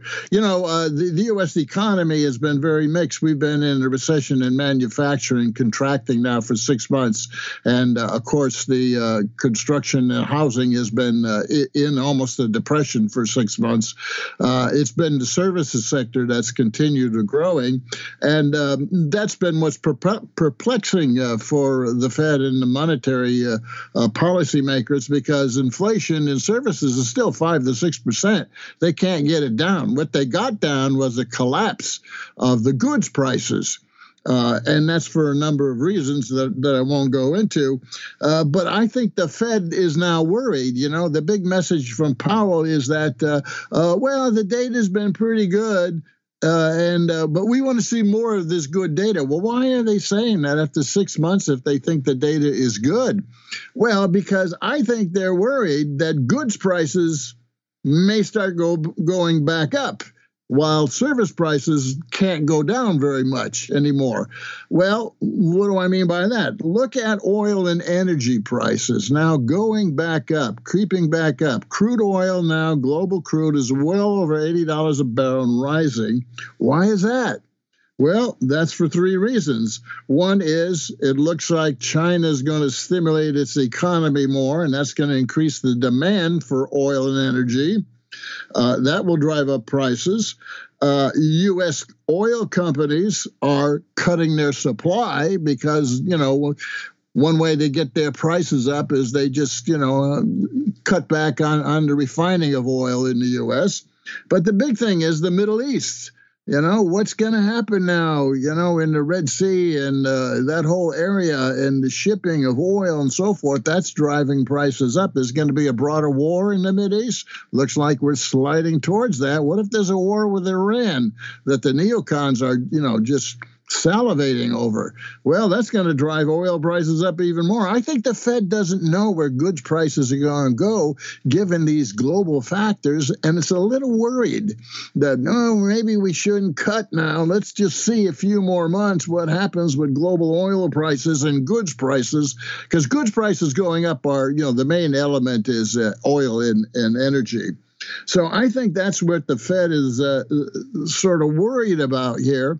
And then, of course, there's also uh, the regional banks. The, you know, we've had this crisis in the regional banks. Uh, there's at least a dozen of them still in trouble. And today, the New York Community Bank uh, signals it's in trouble. Uh, you if you keep rates high, uh, you know, it's a big problem here for the community banks, but rates have already come down to 10 year to 4% right? So that's an issue, maybe not as big as global oil prices and goods inflation, but I think that's um, you know behind what the Fed is saying. No, we're not going to do it in March either. And by the way, you know this 3.4 percent, uh, as I've been writing about, that's the PCE index. The CPI is higher.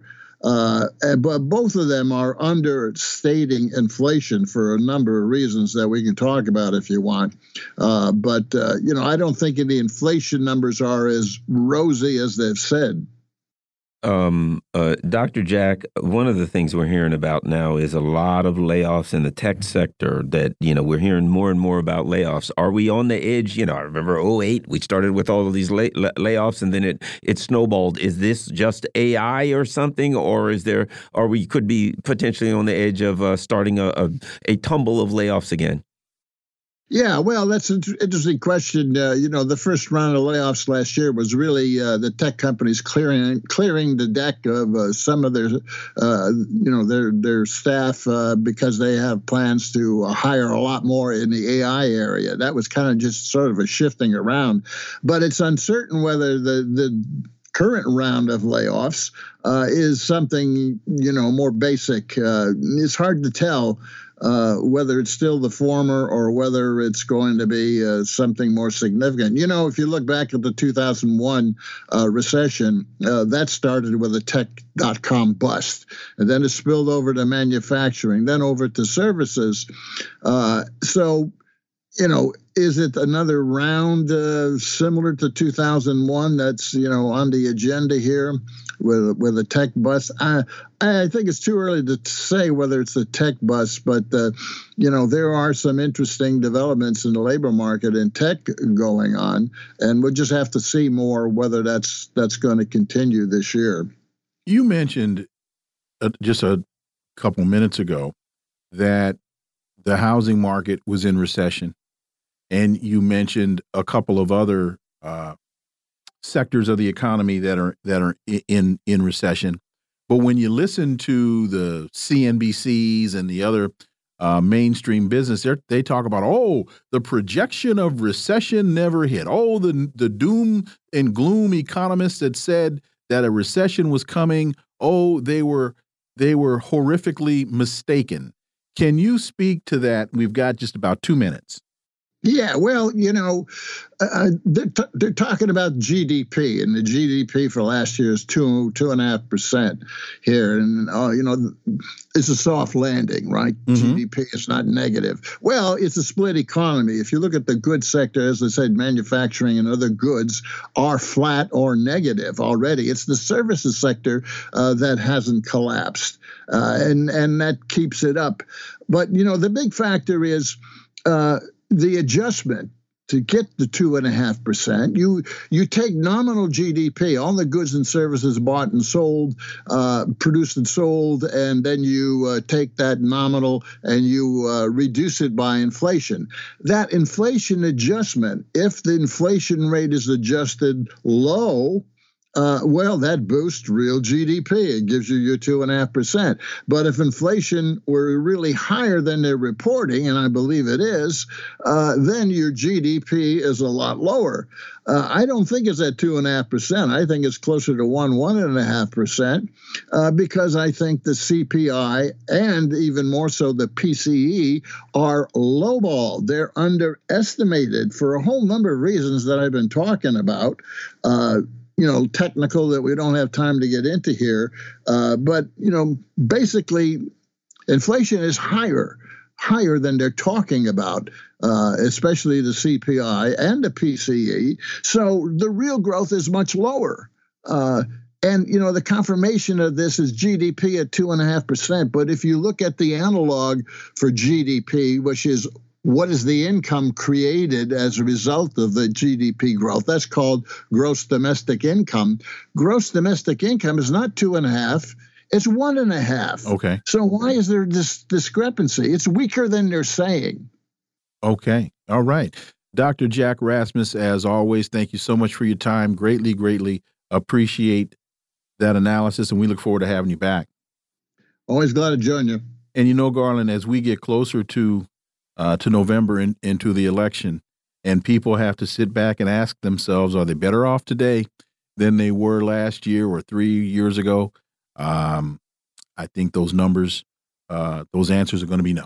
Yeah, and I think right now the other thing people are holding their breath if Joe Biden attacks Iran or something, the Straits of Hormuz, so you exactly can throw all this out to. the window. Yep. He will detonate our economy like a nuclear bomb. Uh, let's say more like a cruise missile. Yeah, we don't want to go to the nuclear bomb. We, we yeah, wanna, we, yeah, we don't want to put that out there in the no, universe like a sparkler. Oh, okay, that'll work. That'll work. Folks, you've been listening to the Critical Hour here on Radio Sputnik. Thank you for allowing our voices into your space. On behalf of myself and my co host, Garland Nixon, we hope you were informed and enlightened, and we look forward to talking with you all right here tomorrow on Radio Sputnik. Be safe. Peace and blessings. We're out.